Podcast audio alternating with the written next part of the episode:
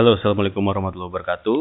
Masih sama gue Adit dalam Kasamilan Podcast dan ini adalah podcast yang masih dibikin pada saat uh, pandemik coronavirus ini masih merajalela, masih mendera. Uh, saat ini ya, ini hari Jumat sore gue bikin uh, dari Indonesia yang terjangkit coronavirus itu udah jumlahnya 300 lebih 360-an.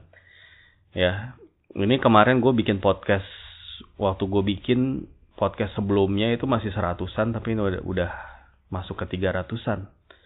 Itu sangat-sangat mengkhawatirkan sih dan apa harus ada langkah menurut gue langkah yang drastis yang diambil oleh government ya. Menurut gue apakah ini mau lockdown ataukah mau diperiksa melakukan eksaminasi satu persatu terhadap orang-orang yang suspek atau yang dalam pengawasan atau yang atau orang-orang yang emang kesehariannya tuh kemungkinan terpaparnya itu besar gitu. Atau orang-orang yang baru bepergian dari negara yang terjangkit. Atau orang-orang yang baru ketemu dari warga negara lain yang dari berasal dari negara yang terjangkit. Itu harus yang dites yang diutamakan gitu.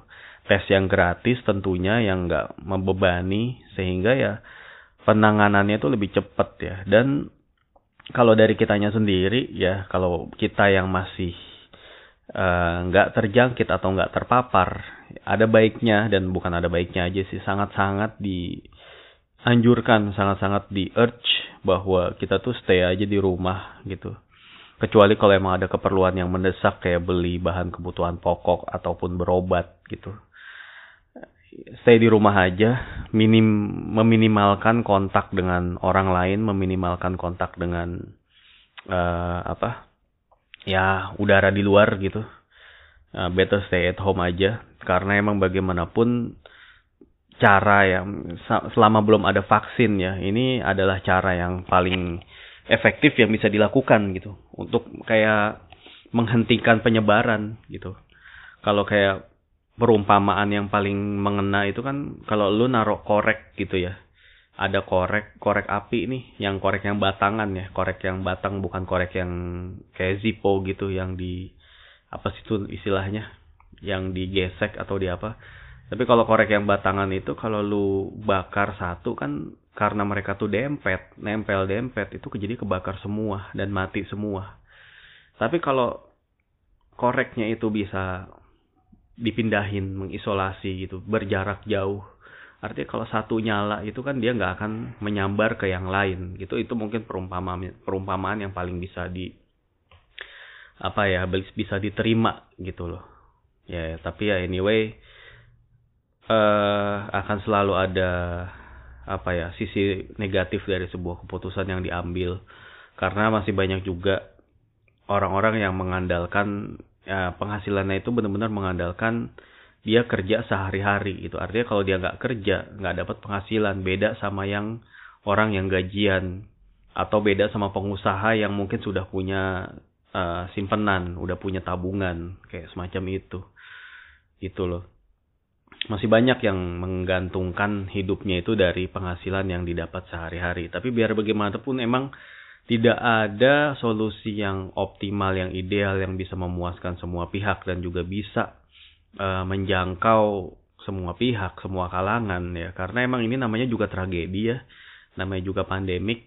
Itu pasti nggak enak gitu. Mau apa pun yang diambil keputusannya tuh pasti ada nggak enaknya gitu ya. Ya jadi mudah-mudahan kita semua bisa bersabar, kita semua juga bisa uh, apa namanya bisa terhindar dari uh, musibah ini dari tertular buat yang belum bukan buat yang belum ya buat yang masih aman nggak tertular ya mudah-mudahan stay nggak tertular lalu kemudian buat yang tertular uh, positif mudah-mudahan juga cepat sembuh buat yang terindikasi tertular juga mudah-mudahan cepat pulih itu aja sih yang bisa diharapin ya uh, oke okay. uh, kalau kita ngomongin Milan nih ya podcast ngomongin Milan. Uh, menurut gue tetap banyak topik yang bisa dibicarakan. Gue punya beberapa topik dan salah satunya ini adalah yang mau gue bicarain hari ini yaitu tentang unsung hero. Unsung hero itu kayak gimana sih pemain yang unsung hero?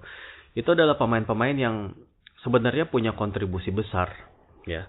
tapi eh, kehebatannya atau kontribusinya itu nggak terlalu diapresiasi oleh orang.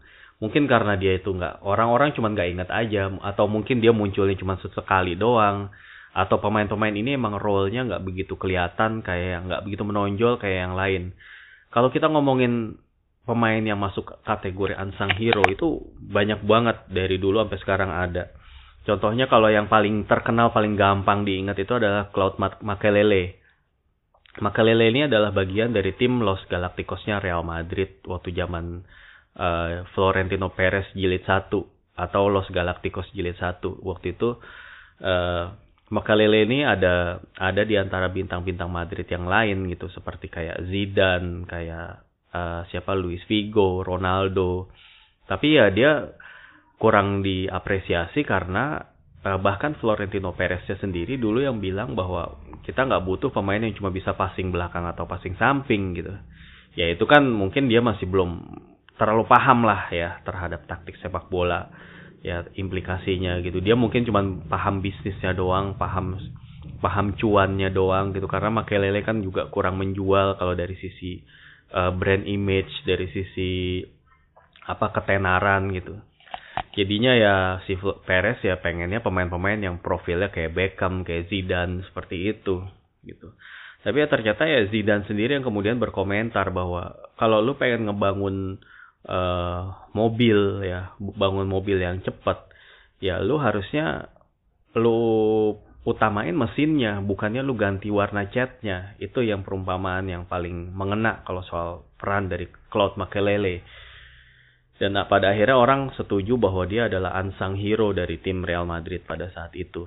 Begitu juga kalau zaman sekarang uh, tahun-tahun 2009, 2010, 2011-an kayak gitu, itu ada Sergio Busquets yang oleh banyak orang juga dibilang ah ini pemain nggak nggak ada jago-jagonya gitu. Dia cuman ketolong karena punya si ada rekan-rekannya seperti Messi, ya Xavi, Iniesta gitu. Tapi ternyata tanpa Sergio Busquets pemain-pemain Barcelona ini juga mengaku mereka kesulitan karena Sergio ini emang yang benar-benar uh, punya peran yang gede, uh, punya kemampuan passing yang cepat, uh, secara taktikal sangat dibutuhin kayak gitu. Itu contoh ya. Kalau pemain-pemain lawas itu juga banyak sebenarnya. Yang seperti kayak Luis Monti waktu di timnas Italia tahun 34 ya itu mungkin nggak perlu gue jelasin panjang lebar lo mungkin bisa googling Luis Monti itu kayak gimana. Siapa itu Luis Monti? Ya ntar kelamaan jadinya. Atau kalau dari negara lain yang juga terkenal Mane Garinca Garinca ini eh, pemain yang seangkatan atau lebih tua sih lebih tua dari Pele cuman dia di timnasnya itu bareng-bareng sama Pele waktu itu dan orang-orang tuh lebih banyak mengapresiasi si Pele ini karena ya emang per performanya lebih stand out dan dia Pele juga stand out di saat yang tepat gitu. Sementara Mane Garinca waktu itu uh, dia ini sebenarnya juga kontribusinya nggak kalah gede ya.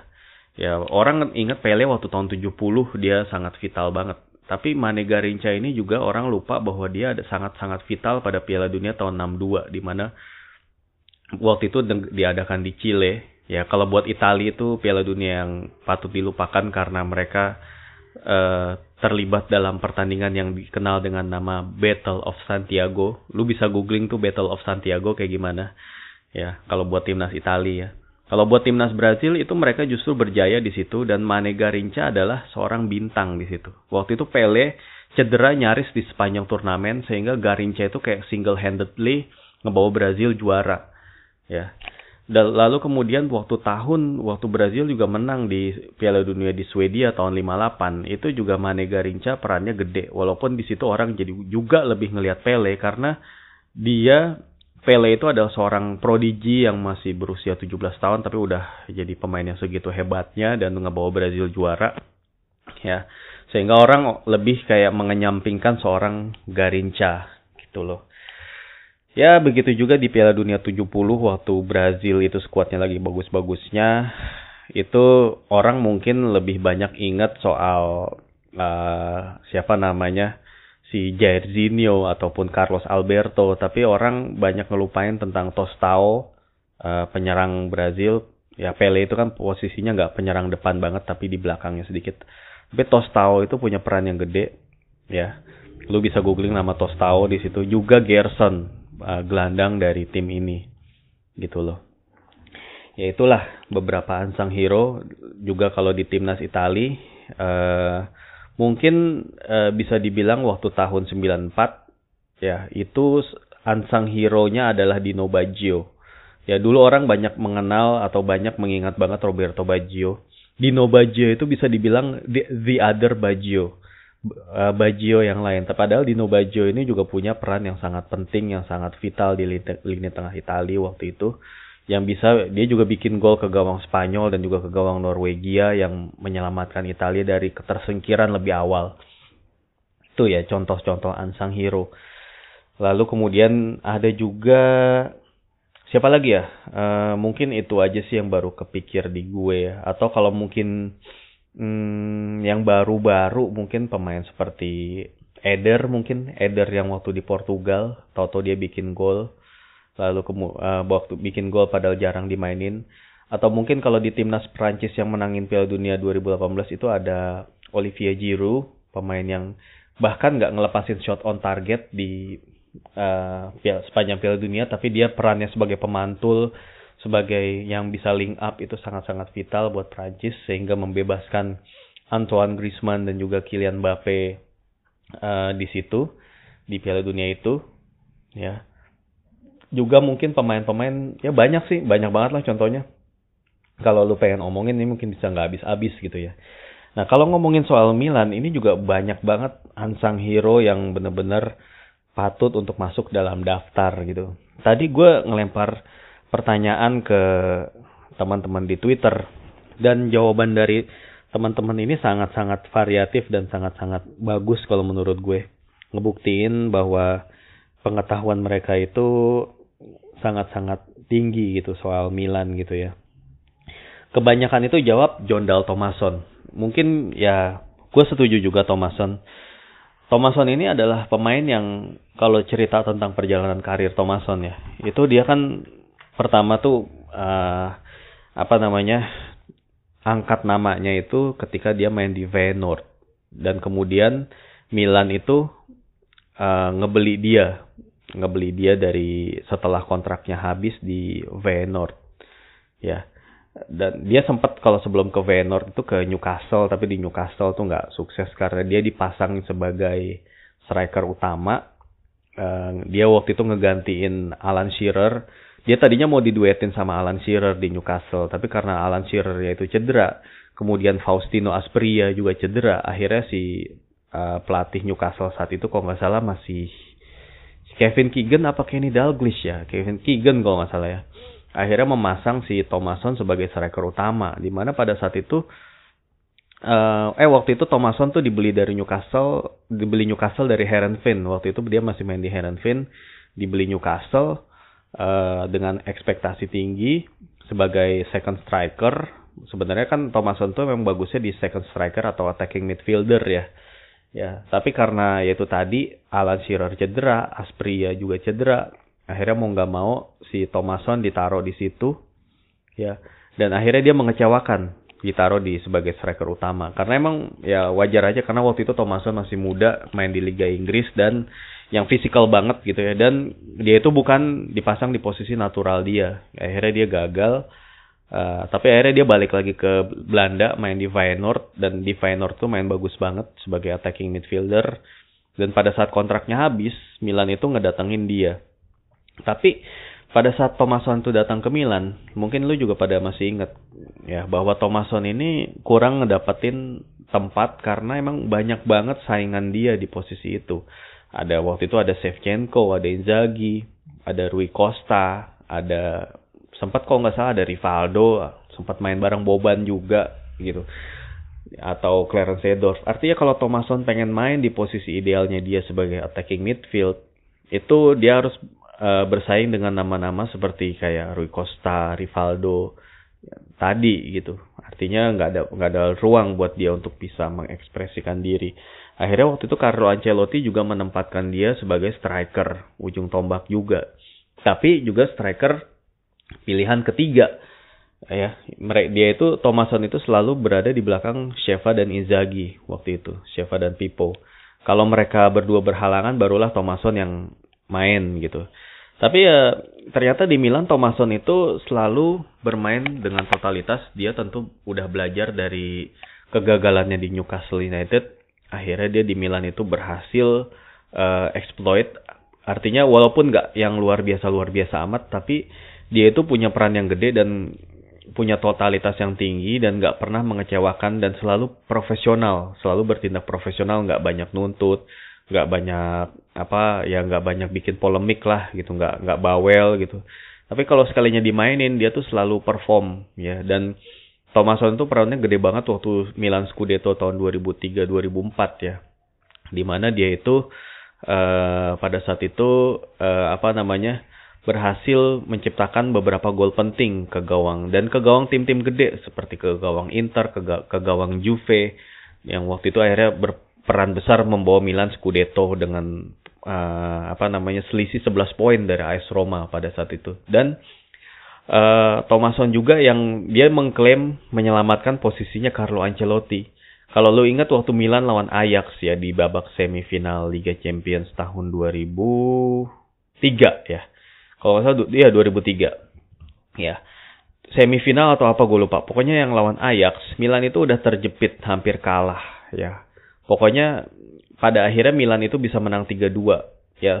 Kalau nggak salah di leg pertama di Amsterdam Arena itu Milan ditahan imbang satu sama. Terus di San Siro di uh, second leg Milan itu uh, harus menang tentunya kan. Dan skornya itu sementara 2-2 dan di menit akhir Thomason itu ngebikin gol penentu yang dia klaim menyelamatkan posisi Ancelotti. Padahal gol pentunya itu dia tinggal kayak ngedorong bola doang. Itu sebenarnya kalau bisa dibilang itu golnya Inzaghi sih. Inzaghi yang bekerja keras di situ dan akhirnya uh, Thomason tinggal ngedorong aja.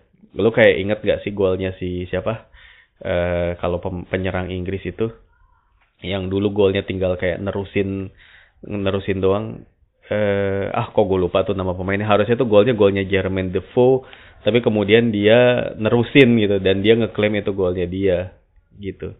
Lupa lah gue itu. Gue gue biasa inget dapat nama tuh pemain tapi kok gue ngeblank. Pokoknya itulah.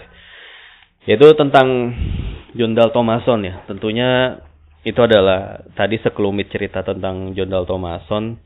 Terus ada juga yang bilang Ambrosini. Ya gue setuju sih Ambrosini ini termasuk ansang hero bisa dibilang karena dia itu berjuang sangat keras untuk kemudian apa dari mulai dia tuh uh, lulus akademi terus dipinjemin ke Kesena terus kemudian dia balik lagi dia juga masih jadi cadangan. Cuman Ambrose ini tuh breakthrough-nya pas tahun 99 sebenarnya waktu di tangan Alberto Zaccheroni ya. Di mana ternyata uh, Ambrose ini cocok banget main diduetin bareng si Albertini.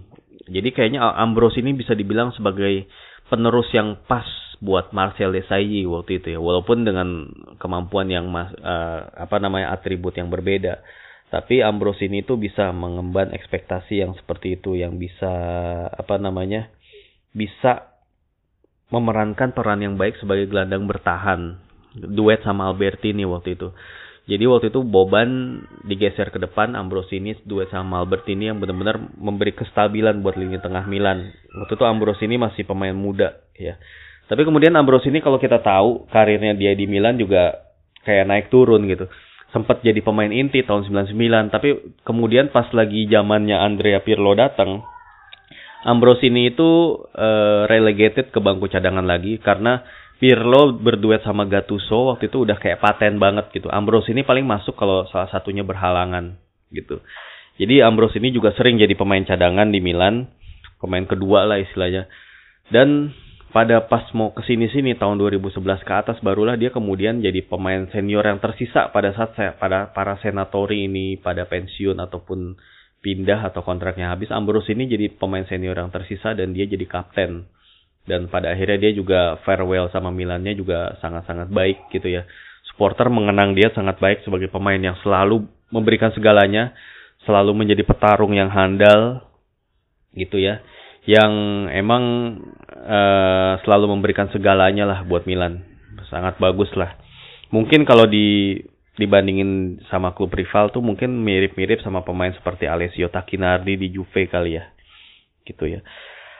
Lalu kemudian uh, Antonio Nocerino ya ini kalau Nocerino sih mungkin lebih tepat bisa dibilang salah satu transfer yang benar-benar pas aja gitu. Gua nggak ya gua nggak bilang dia bukan ansang hero juga. Dia dia bisa tapi gue yakin uh, para Milanis itu mengingat dia dengan apresiasi yang tinggi si Nocerino ini.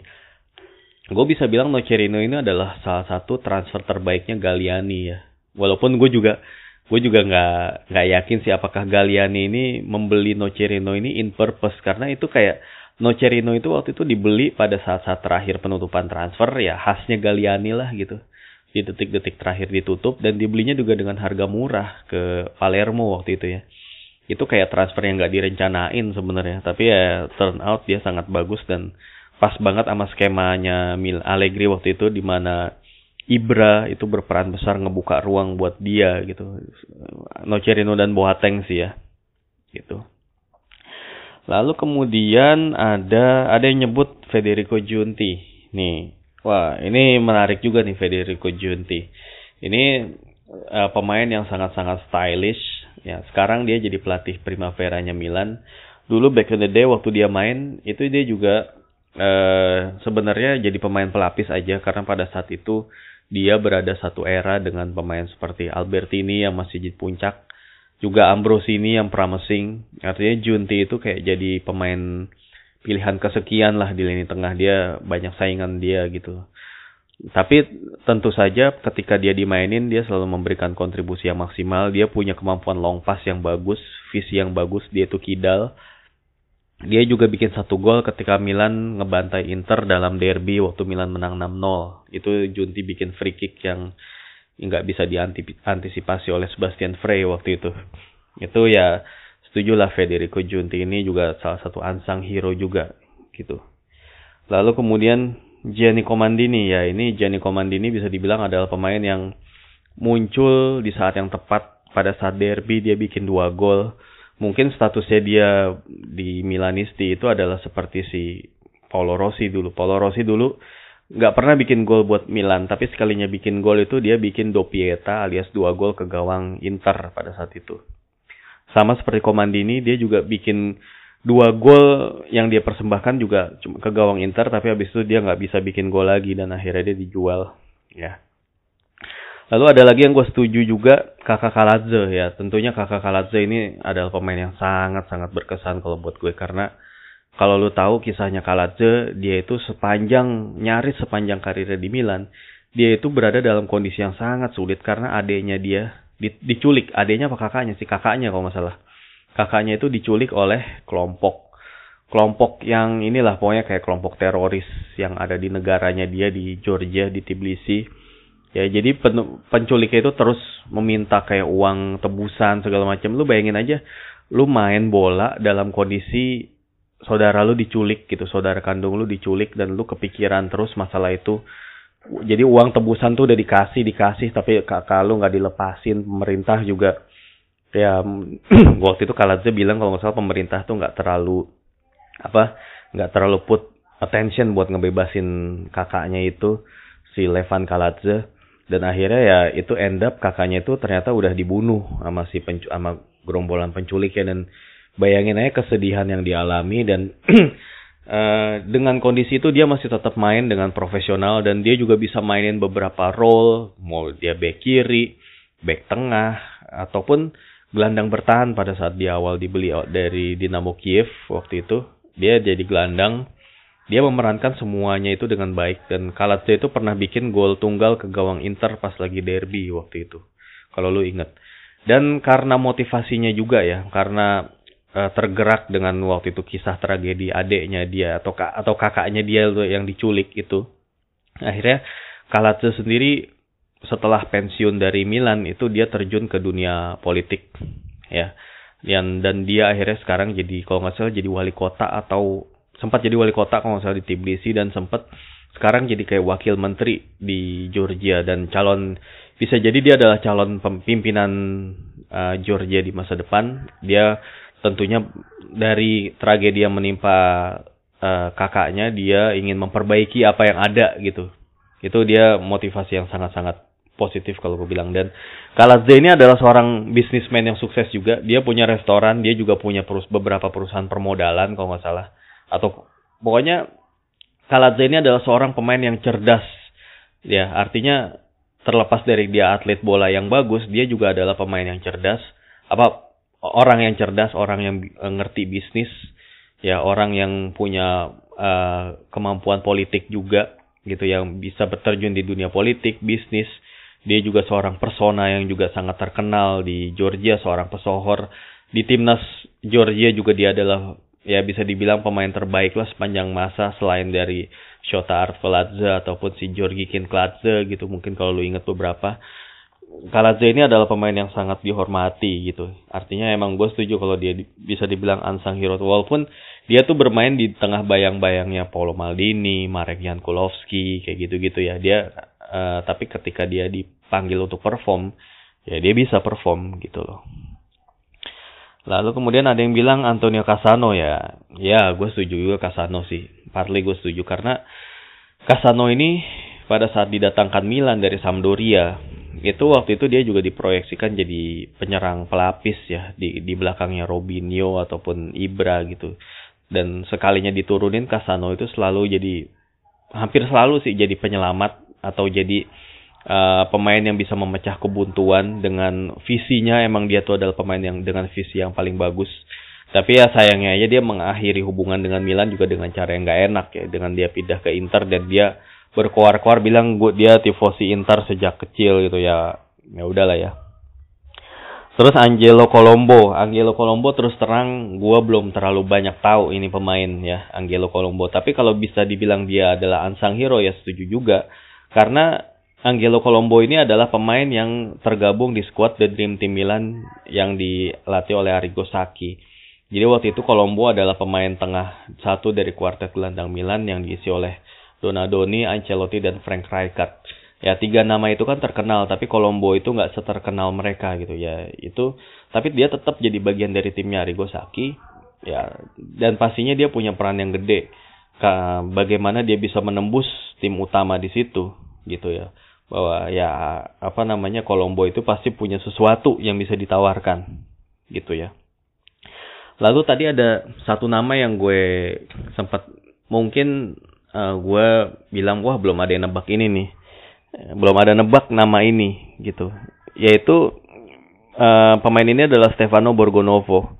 Uh, mungkin lo ingat gak Stefano Borgonovo itu adalah pemain yang udah meninggal sih dia. Dia kasihan banget meninggal itu karena penyakit yang menyerang otak lah gue lupa gue lupa apa nama penyakitnya sindrom apalah gitu yang pokoknya bikin dia itu jadi lumpuh nggak bisa ngomong pokoknya kehilangan fungsi sarafnya dia itu uh, kenapa Borgonovo itu adalah ansang hero karena Borgonovo adalah seorang pencetak gol yang penting banget buat Milan waktu itu jadi waktu itu sebelum Milan itu melaju ke final, gue agak sorry gue agak suka ketukar tahunnya. Pokoknya tahun di mana Saki itu ngebawa Milan ke final.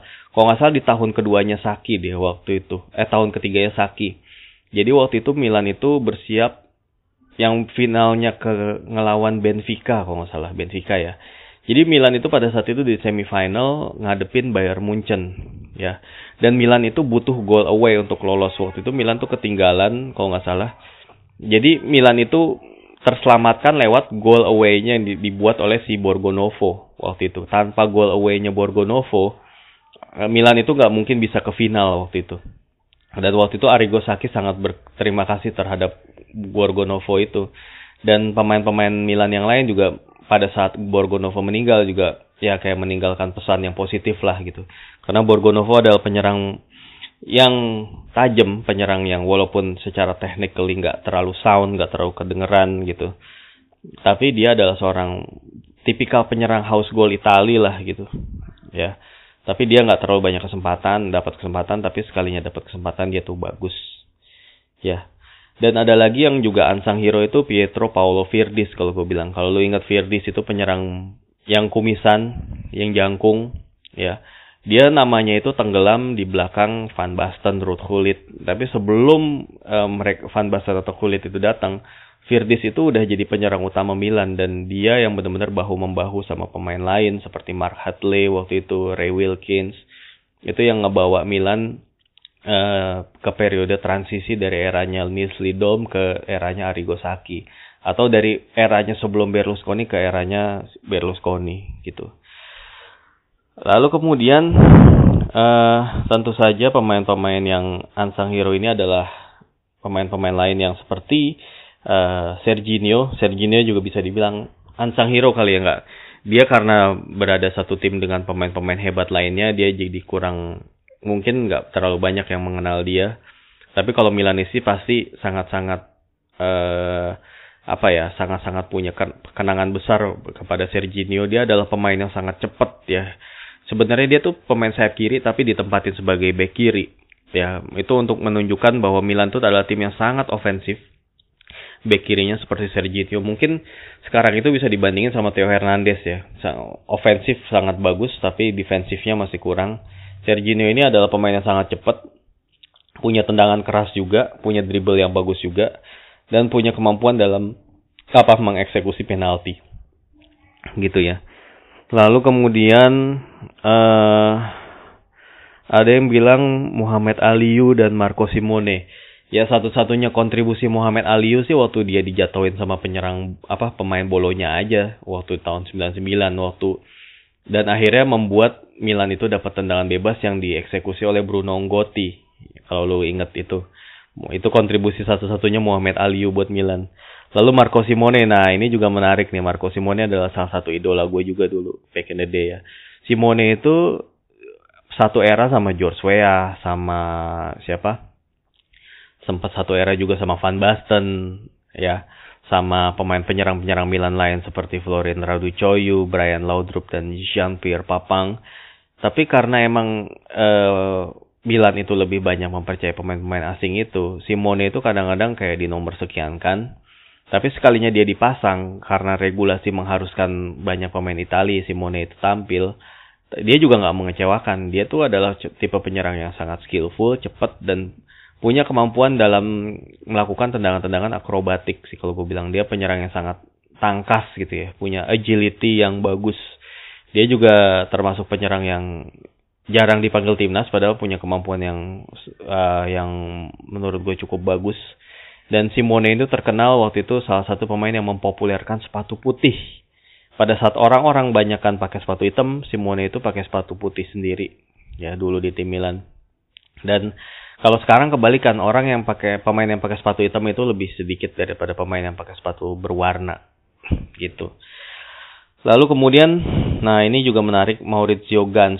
Ya Maurizio Gans ini gue udah bilang juga ber, beberapa kali gue ngomong Maurizio Gans ini adalah pahlawan pada saat Milan meraih Scudetto tahun 99. Dia posisinya penyerang cadangan di belakang Oliver Bierhoff, George Weah, Leonardo gitu ya. Tapi uh, sekalinya dia dipasang kontribusinya nggak bisa dianggap enteng sering bikin gol-gol penting dia kalau nggak salah bikin 5 gol sepanjang musim dan gol-golnya itu selalu jadi either itu penentu kemenangan ataupun menyelamatkan Milan dari kekalahan. Yang penentu kemenangan itu ketika ngelawan Parma dia bisa bisa bisa ngalahin Cannavaro dan Buffon. Dan ketika ngelawan Sampdoria ketika dia melepaskan tendangan gunting yang kemudian membentur Marcelino Marcelo Castellini yang akhirnya bola masuk ke gawangnya Sampdoria. Gitu dan akhirnya itu di menit 90-an plus dan akhirnya itu Milan menang di situ. Dan juga uh, golnya dia ke gawang Bari yang diambil lewat tendangan penalti. Jadi pada saat itu Milan itu ketinggalan 1-2 lewat gol-golnya Yexel Osmanovski itu golnya cakep-cakep banget. Gol pertamanya keren banget sih golnya Palonetonya Osmanovski waktu itu kalau lu bisa lihat. Dan akhirnya Maurizio Gans ngambil penalti. Akhirnya waktu itu Gans bilang ini penalti tadinya nggak ada yang berani ngambil bahkan kayak Oliver Bierhoff gak berani ngambil gitu. Terus pemain-pemain yang tadinya jadi eksekutor utama itu udah pada keluar kalau nggak salah, udah pada ditarik kayak Boban, Albertini gitu. Akhirnya tinggal Gans. Tadinya Billy Costa Curta yang mau ngambil kan yang sebagai kapten waktu itu kota Costa Curta. Tapi Gans akhirnya uh, minta bolanya ke si Billy bilang Billy biar biar gua aja ngambil tendangan dan akhirnya Guts mengambil tanggung jawab itu dan bisa menyelamatkan Milan dari kekalahan. Ya.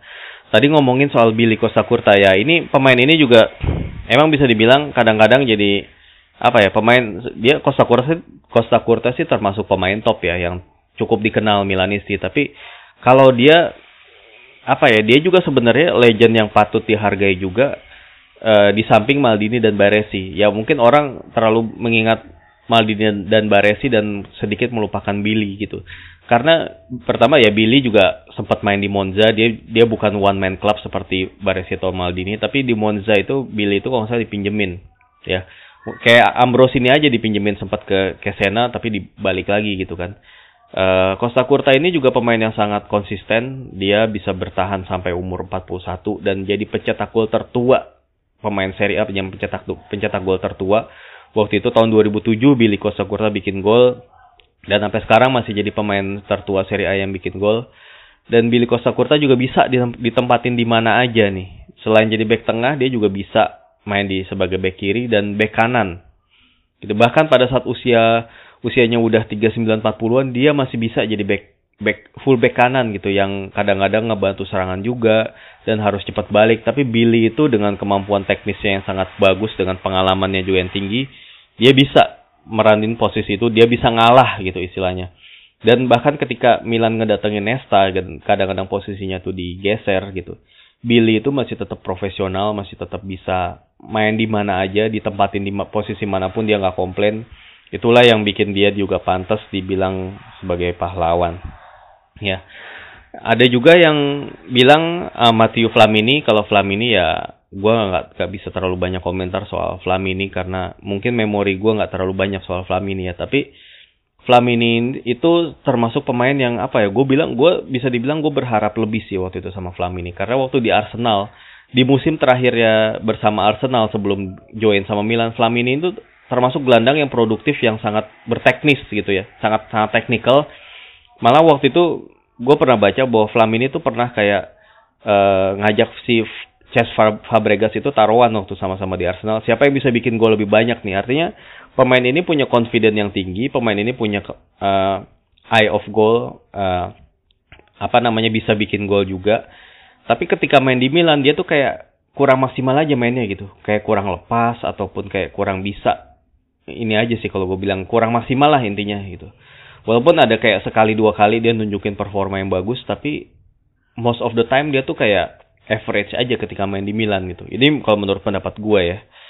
Uh, lalu kemudian ada yang bilang Ambrose ini ini vital banget pas Champions League 2005 dan 2006 ya emang setuju gue. Tanpa golnya Ambrose ini ke gawang PSV Eindhoven Milan nggak bakal lolos ke final waktu itu, final 2005. Ya.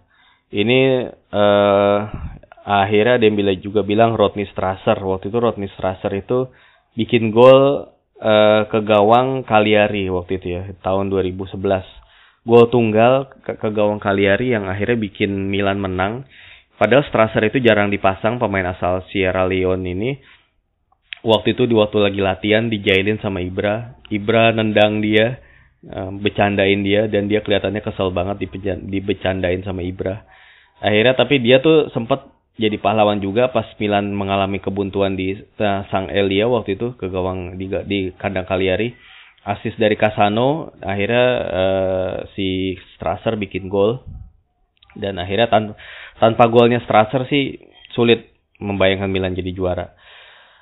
Nah ini kemudian ada yang bilang juga Luka Antonini ya Antonini juga salah satu pemain yang underrated sebenarnya. Sebenarnya waktu tahun gue ingat banget waktu tahun 2010 itu waktu Antonini itu main di bawah asuhan Leonardo dia tuh bagus banget. Dia jadi pemain back kiri yang sangat ofensif yang waktu itu kerjasamanya dia sama Ronaldinho itu berjalan sangat baik ya dan sayangnya Marcelo Lippi nggak manggil dia ke timnas waktu tahun waktu tahun di Piala Dunia 2010 padahal dia lagi performa yang bagus-bagus ya jadi Antonini sama Borriello tuh harusnya masuk skuad Italia 2010 maksud harusnya tuh. Ya sayang aja waktu itu Lippi ya bener-bener terlalu percaya sama pemain yang veteran 2006 dan kebanyakan pemain-pemain Juve yang dia panggil waktu itu karena emang udah relatif dia kenal. Lippi itu nggak mau manggil pemain-pemainnya kayak Casano karena dianggapnya Casano itu bengal dan bisa ngerusak harmoni tim dan Lippi nggak mau sama pemain-pemain seperti itu dan akhirnya lebih milih sama pemain-pemain yang yang lurus-lurus aja tapi ya pemain ini nggak pemain-pemain yang dipanggil Lipi pada saat itu tuh nggak punya kecakapan teknik ataupun nggak punya kayak imajinasi atau visi yang bagus gitu. Ditambah lagi waktu tahun 2010 itu Andrea Pirlo tuh cedera. Jadi di dua pertandingan awal waktu lawan Paraguay sama lawan New Zealand, Pirlo itu nggak main. Dia baru main lawan Slovakia itu pun di babak kedua dan itu udah telat banget waktu itu. Ditambah lagi waktu itu Buffon cedera dan kipernya Federico Marchetti yang waktu itu masih kayak gagap gitu. Akhirnya ya Milan eh Milan Italia jadi kalah gitu gara-gara golnya si Robert Vitek waktu itu ya. Lalu kemudian uh, ada ya ya ya Rodney Strasser tadi udah. Ada yang bilang Roque Junior dan Martin Lawson. Kalau Martin Lawson kayaknya Milan jarang main dan gue nggak terlalu banyak memori tentang kehebatan Lawson di Milan ya. Kalau Roque Junior ya mungkin oke. Okay. Dia sempat kayak jalannya kepincang-pincang waktu tahun 2003 final lawan Juve. Dia tetap maksain main dan hebatnya waktu itu pemain-pemain Juve juga kayak udah nggak mau nyerang dari sisi kanan dia gitu. Dari sisi dia dan memilih untuk kayak ini pertandingan udah adu penalti aja lah gitu. Tapi Rocky Junior tetap maksain main karena waktu itu jatah pergantian pemain udah habis gitu ya. Lalu kemudian ada yang bilang Christian Abiati ya, setuju juga sih Abiati. Abiati itu sering jadi kayak bayang-bayang kiper seperti Dida ataupun bahkan belakangan kayak Diego Lopez gitu. Padahal Abiati punya kemampuan yang bagus, Uh, tapi ya karena ada pemain yang lebih baik dari dia, akhirnya dia kayak dilengser, dilengserkan ke bangku cadangan. Dan Abiati itu juga uh, sempat kayak dipinjemin ke Juve waktu Buffon cedera, uh, patah dislokasi bahu waktu bertanding di Trofeo Berlusconi dan karena solidaritas itu Abiati sempat main di Juve dan Abiati sempat main enam 6 bulan uh, ngejaga gawang Juve uh, sebelum akhirnya Buffon balik dan Juve Scudetto waktu itu. Ya. Terus Abiati juga sempat main di kalau nggak salah main di Torino sama Atletico ya. Tapi ujung-ujungnya dia balik lagi ke Milan dan akhirnya pada saat uh, Milan Scudetto tahun 2011 Abiati juga jadi kiper yang sangat stabil buat Milan.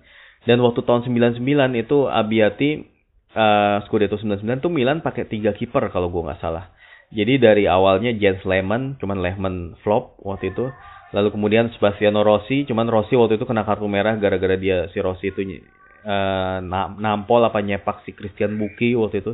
Akhirnya Abiati step up waktu itu Abiati masih muda dan dia ternyata nggak disangka dia sangat-sangat bagus performanya termasuk bikin penyelamatan-penyelamatan penting.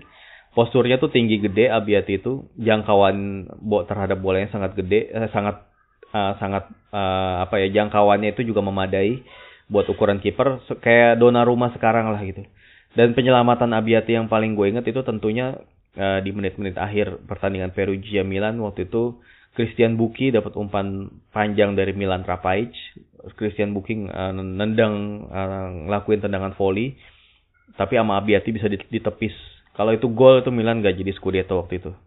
Dan Adriano Galliani juga selalu ingat momen itu. Itu penyelamatan yang sangat menentukan Scudetto kalau kata Galliani.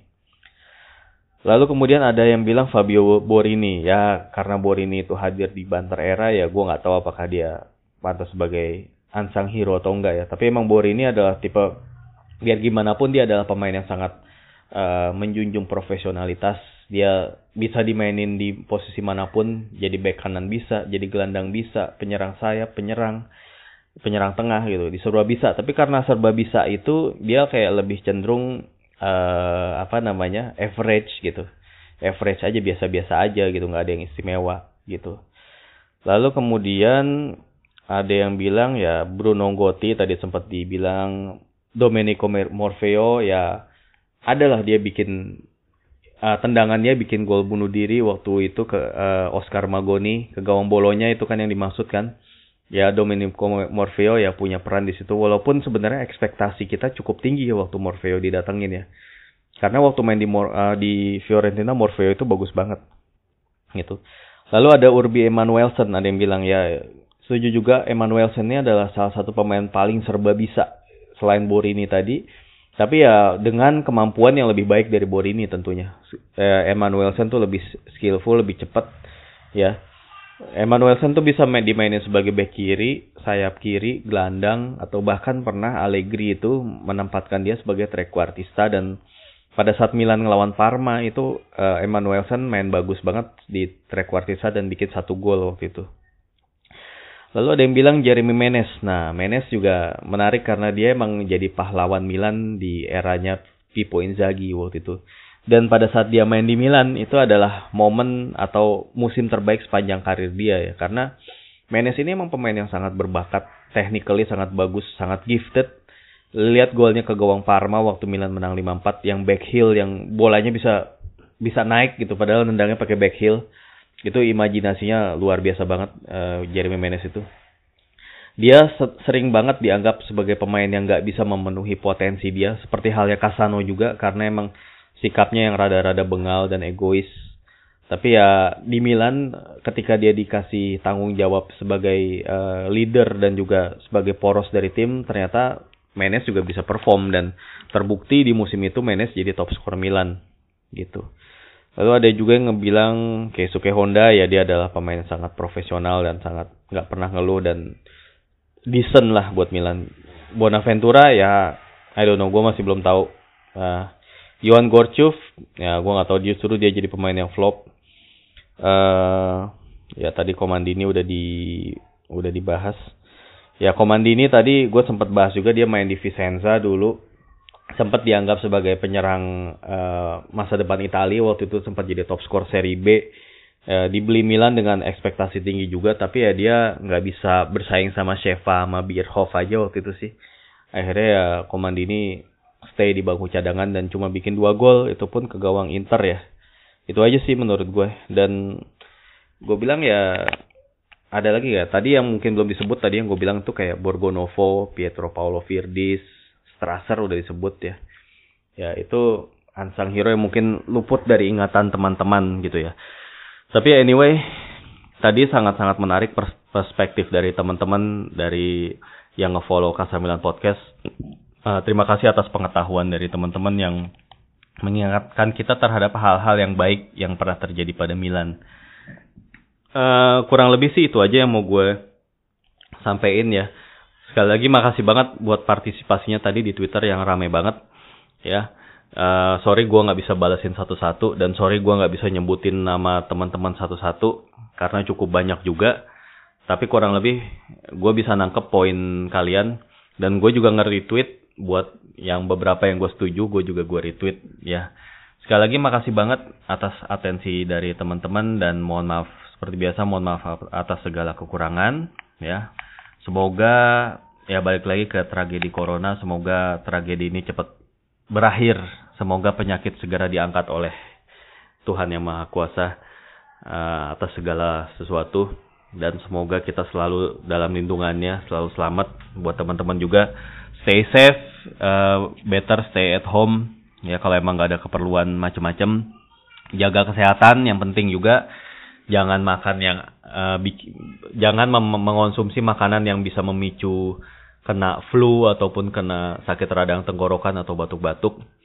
Ya makan makanan yang bergizi supaya daya tahan tubuh kita kuat. Juga istirahat jadi work from home ini bukan buat liburan ya bukan buat jalan-jalan tujuannya tapi buat stay di rumah. Ya dengan work from home juga lu juga bisa ngirit kan bisa ngirit ongkos bisa kayak apa ya quality time lebih lah sama keluarga lu yang selama ini lu jarang banget alami. Tapi luxury ini ya ini adalah kayak semacam kayak blessing in disguise pada saat tragedi ini terjadi. Walaupun kita semua tahu ini bukanlah sebuah blessing tapi ya tapi paling enggak kalau lo mau ambil positifnya lo bisa kumpul sama keluarga lo pada saat di apa dalam normal circumstances itu susah diwujudkan ya. Ya udah. Anyway itu aja mau gue sampein ya. Uh, wassalamualaikum warahmatullahi wabarakatuh